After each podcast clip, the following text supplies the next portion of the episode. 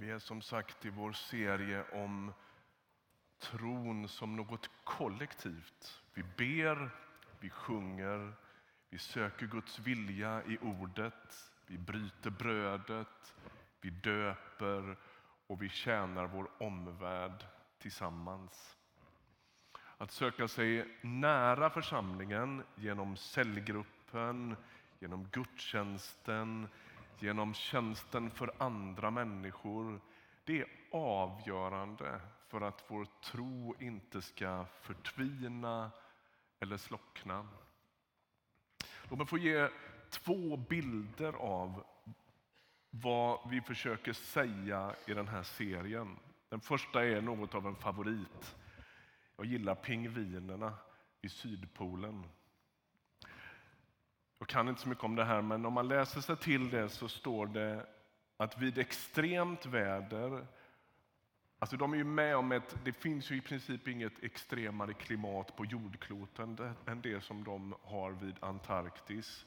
Och det är naturligtvis en påfrestning på allt som lever. Och när det är som kallast och blåsigast och kärvast så står pingvinerna tätt tillsammans för att hålla värmen. Det är en överlevnadsfråga att de inte är ensamma.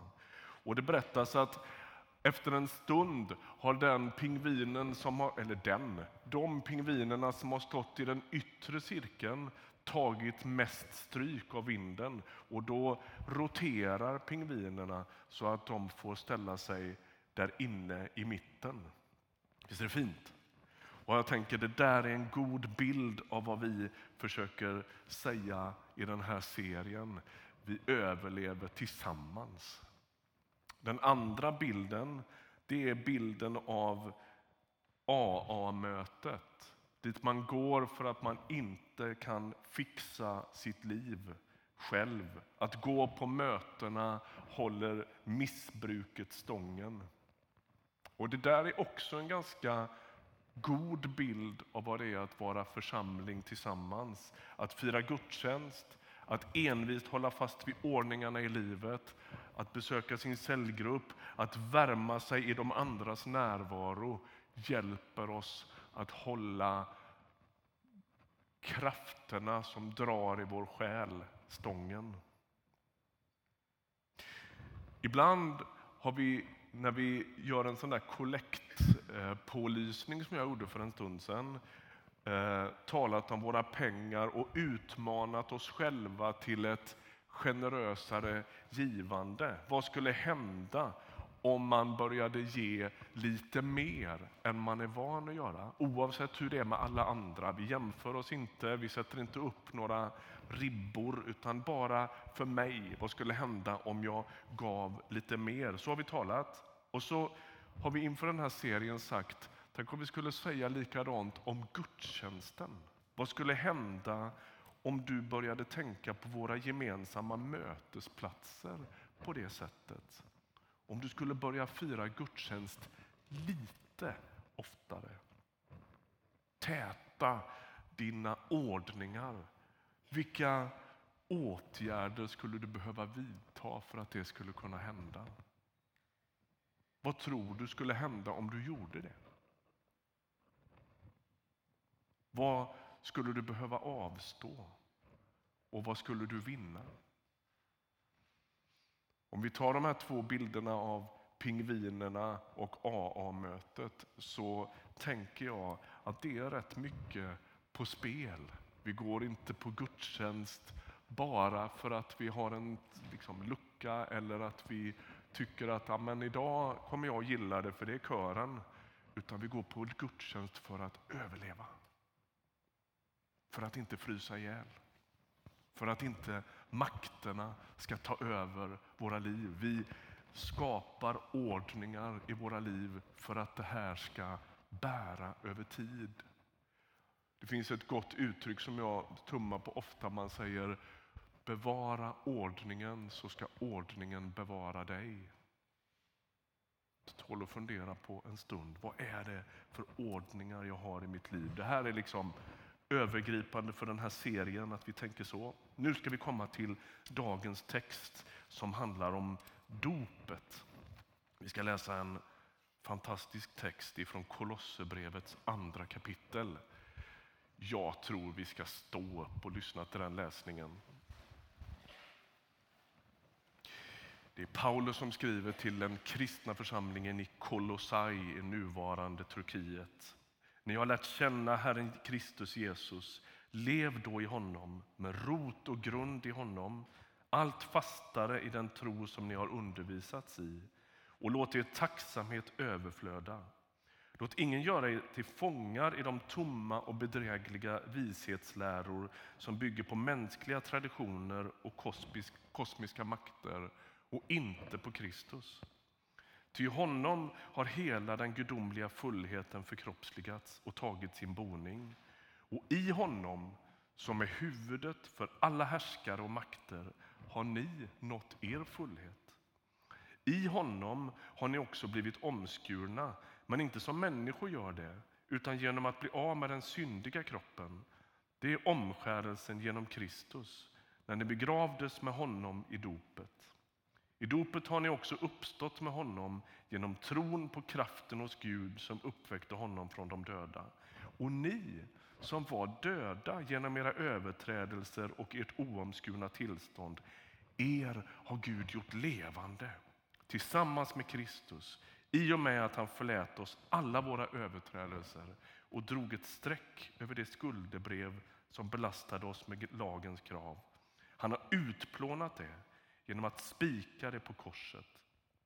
Han avväpnade härskarna och makterna och utsatte dem för allas förakt när han triumferade över dem genom Kristus. Varsågod och sitt.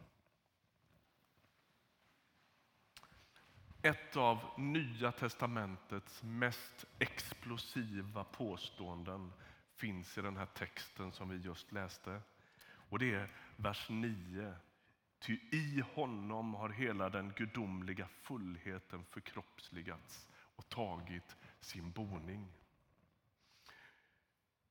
Det är lätt, efter att en del av oss i alla fall har levt med de här nytestamentliga formuleringarna i många, många år, att vi liksom inte riktigt hör sprängkraften i det som påstås. Bakgrunden här det är att de kristna i Kolossai har glidit bort från ett liv med Jesus i centrum. Han finns med, men de har lurats att liksom, luta sig lite mer mot andra saker.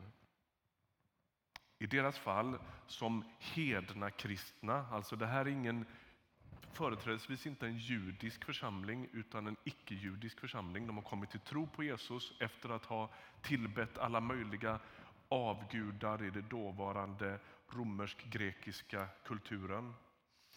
Ehm, och så har de av resande predikanter fått höra att den verkliga poängen Ja, men det är väl bra det där med Jesus, men den verkliga poängen den finns antingen i den judiska tron med högtider, omskärelse och någon slags iver att hålla lagens bud.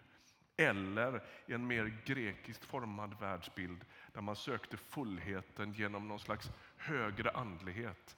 Ja, men det är bra det där med Jesus och vi börjar där, det är någon slags basic och ABC. Men sen behöver vi vidare till högre andliga nivåer. Det är vad de är itutade. Och Paulus då, han reagerar starkt mot det här. I Paulus brev så är han aldrig så kraftfull som när Jesus ställs i bakgrunden. Då blir han galen.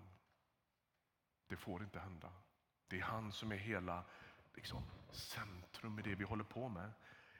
I honom, säger han, Noterar du hur ofta det uttrycket återkommer i den här lilla texten? I honom, i Kristus, i Jesus så finns hela Guds fullhet.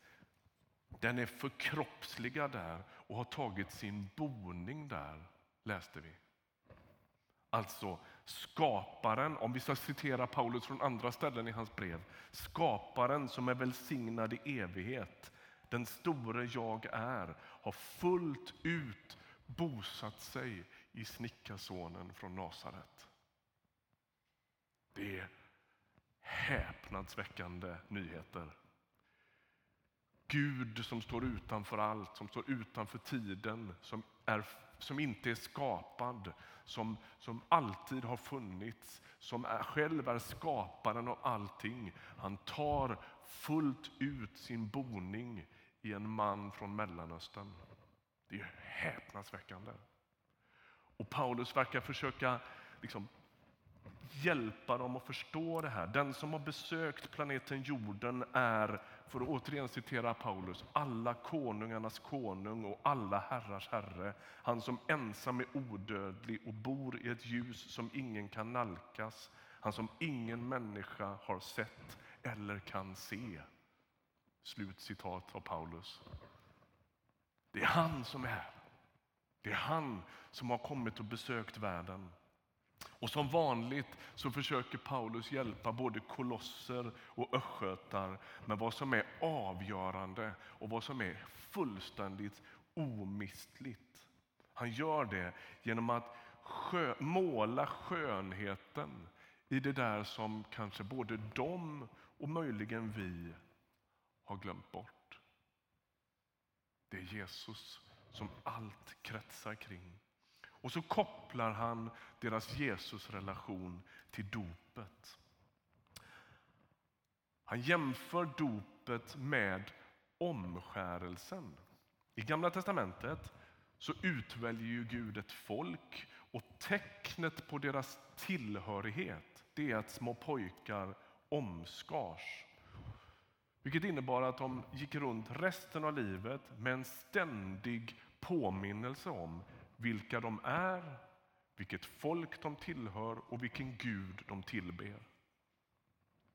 Och den här bilden, eller den här liksom praxisen plockar Paulus upp här. Och så säger han, ja men dopet funkar i Nya testamentet på liknande sätt som omskärelsen gjorde i Gamla testamentet. Det var i dopet vi förenades med Jesus Kristus. Dels gjorde vi det relationellt. Han välkomnar oss in i sin gemenskap. Men vi fogades också in i kosmos största berättelse. Den som handlar om död och uppståndelse. De och också vi har blivit döpta. Men vad var det som hände då egentligen? Det är det det här handlar om lite. Jag skulle vilja ta med dig på en liten arkeologisk utgrävning. På 1920-talet så gjordes det arkeologiska fynd i en antik stad som hette Dura Europos vid floden Eufrat i nuvarande Syrien.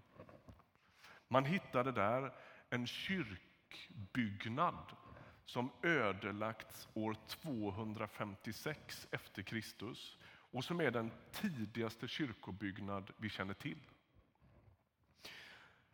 I den här kyrkobyggnaden så finns det också de äldsta kristna målningarna vi känner till. Är ni med på att 200-talet är supertidigt i den kristna kyrkans historia? Det är några generationer efter det vi läser här. Och det är på de här platserna som vi ju känner från Bibelns berättelser. Och här finns också den äldsta målningen av Jesus som vi känner till. I den här kyrkan så finns det ett rum som är mer bevarat än de andra. Och arkeologerna är ganska överens tillsammans med teologerna om att detta är ett så kallat baptisterium, alltså ett dopkapell. Just där, i det dopkapellet, har man målat Jesus som herden. Ser ni, precis ovanför stadsnamnet så står Jesus med ett lamm på axlarna. Kan ni se det? Det här funkar jättedåligt i närradion, jag är medveten om det. Men, men där är han. Och det här var en väldigt vanlig målning i Roms katakomber vid gravarna. kommer tillbaka till det. Under den stora Jesusbilden i dopkapellet här så finns det några mindre målningar. de har jag inte bild på just nu, men en föreställer den lame mannen som tar sin bädd och går. En föreställer Jesu möte med kvinnan vid Sykars brunn och ytterligare en visar när Jesus går på vatten. Och närmast dopgraven och närmast vattnet så finns en målning av de tre kvinnorna vid graven. Nu kommer poängen. Det här rummet ser precis ut som en romersk gravkammare. Så här såg det ut där man begravde människor i Roms katakomber. Alltså i underjorden i Rom där den underjordiska kyrkan levde och verkade. Allt som de här 200-talets kristna har skapat i baptisteriet ska få oss att tänka nu är vi i en grav. Det är avsikten.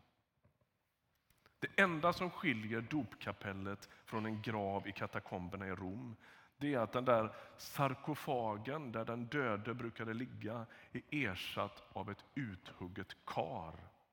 Själva Graven. Att gå till sitt dop på 200-talet eller på 2020-talet det är som när kvinnorna går till graven på påskdagens morgon.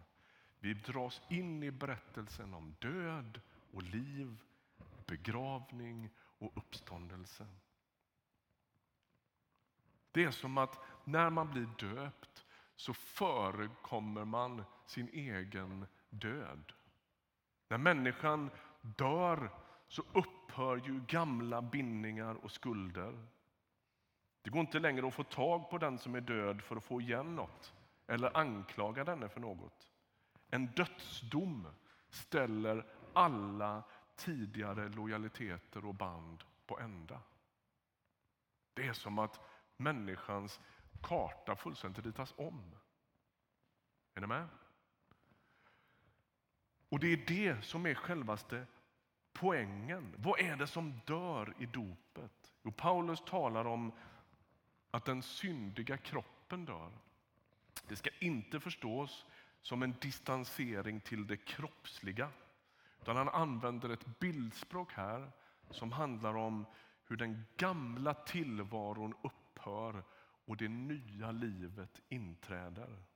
I dopet ställer jag mig under den enda kraft som förmår att på allvar bryta de makter som äger mitt liv. När jag går ner i den här dopgraven, det är, det är ju lite lämpligt att vi också kallar detta för en dopgrav. Eller hur? Alltså, det här har med död och uppståndelse att göra. Och när jag går ner i den dopgraven för att bli döpt så ställer jag mig liksom under både en dödsdom och en ny makt. Stoltheten, högmodet, rädslan, missbruken, girigheten, hatet, maktbegären, vår ständiga önskan att härska över andra bryts på ett sätt i dopet. Det är det som dör. Inte som i att vi blir syndfria. Alla döpta här inne vet att ja, men det, det är mycket att greja med fortfarande efter att man har blivit döpt. Men Guds dom, det är som att Paulus försöker måla hur Guds dom över synden också går över mitt liv. När man blir döpt, vi döpte ju två ungdomar förra söndagen, så är det som att man erkänner sig skyldig, man döms man blir delaktig i Jesu död. Vi dör med honom.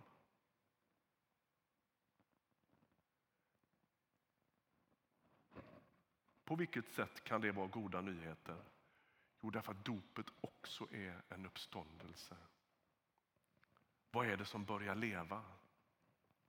Vad är det som börjar röra sig och bli en verklighet i mitt liv? Minns du de där små bilderna jag berättade om från 200-talets dopkapell? När vi döps och dör med Kristus uppstår vi till ett nytt liv. Det finns nu ingen fördömelse. Kopplingen mellan synd och död har upphört. Vi har dött med Kristus för att börja leva tillsammans med honom. Vi behöver dagligen påminna oss om vårt dop.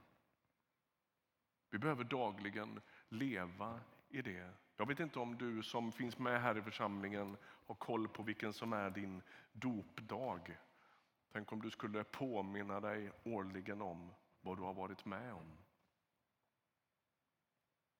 Att dagligen påminnas om sitt dop och leva i det, det är vad Jesus kallar att ta upp sitt kors, följa honom varje dag. Alltså, det har skett någonting här. Jag går ner i den här dopgraven för att dö med Jesus. Hans, den dom som faller över Jesus faller också över min syndiga tillvaro. Jag dör tillsammans med honom och jag uppstår och så börjar jag leva ett nytt liv i tro. Det handlar inte om att alla de här grejerna som jag har kämpat med aldrig finns kvar i mitt liv. Det är inget fel på dig och det är inget fel på ditt dop och det är inget fel på din tro för att allt det här sliter och drar i dig också efter du blivit döpt. Välkommen i klubben. Det är så det är. Men vi lever våra liv i tro därför att vi har dött med honom och vi har uppstått med honom och vi har börjat dela ett nytt liv med honom. Minns du de där bilderna i dopkapellet? Vi börjar vandra, vi tar upp vår bädd och går. Vi lyssnar till Jesus som stillar stormen. Vi lyssnar till honom som är den gode herden som leder oss till vila, beskydd och lek. Det som händer i det där gravkapellet det är att villkoren förändras. Vi börjar leva ett nytt liv. Och så döps vi slutligen, innan jag säger amen, in i den världsvida kyrkan uttryckt i den lokala gemenskapen. Kommer du ihåg vad vi sa om AA-mötet inledningsvis? Vi möter andra syndare, andra döpta, andra vandrare. Och så hjälper vi varandra att hålla missbruket, synden och gudlösheten stången. Likt pingvinerna i Antarktis finner vi beskydd från isande vind och isolering genom att tillhöra kyrkan.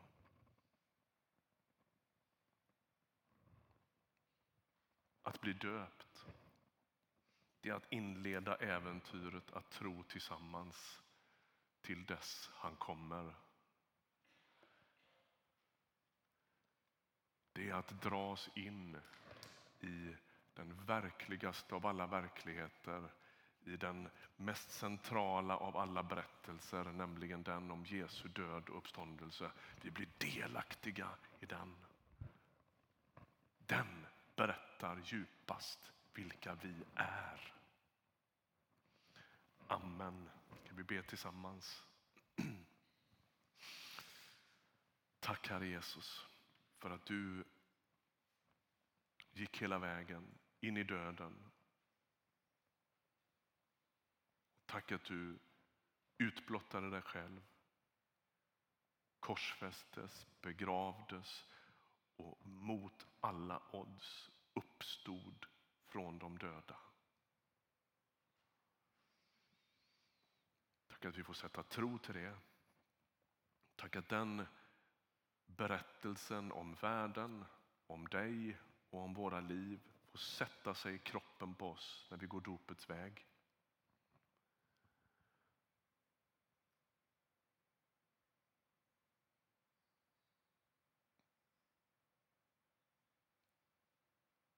Herre, hjälp oss att vandra i tro. Hjälp oss att leva i vårt dop. Hjälp oss att varje dag ta upp vårt kors låta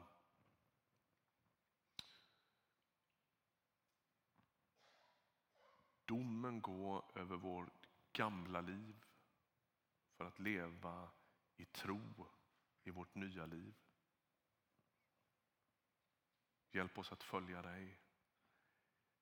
Hjälp oss att gå nära dig. Hjälp oss att märkas och präglas och formas av dig.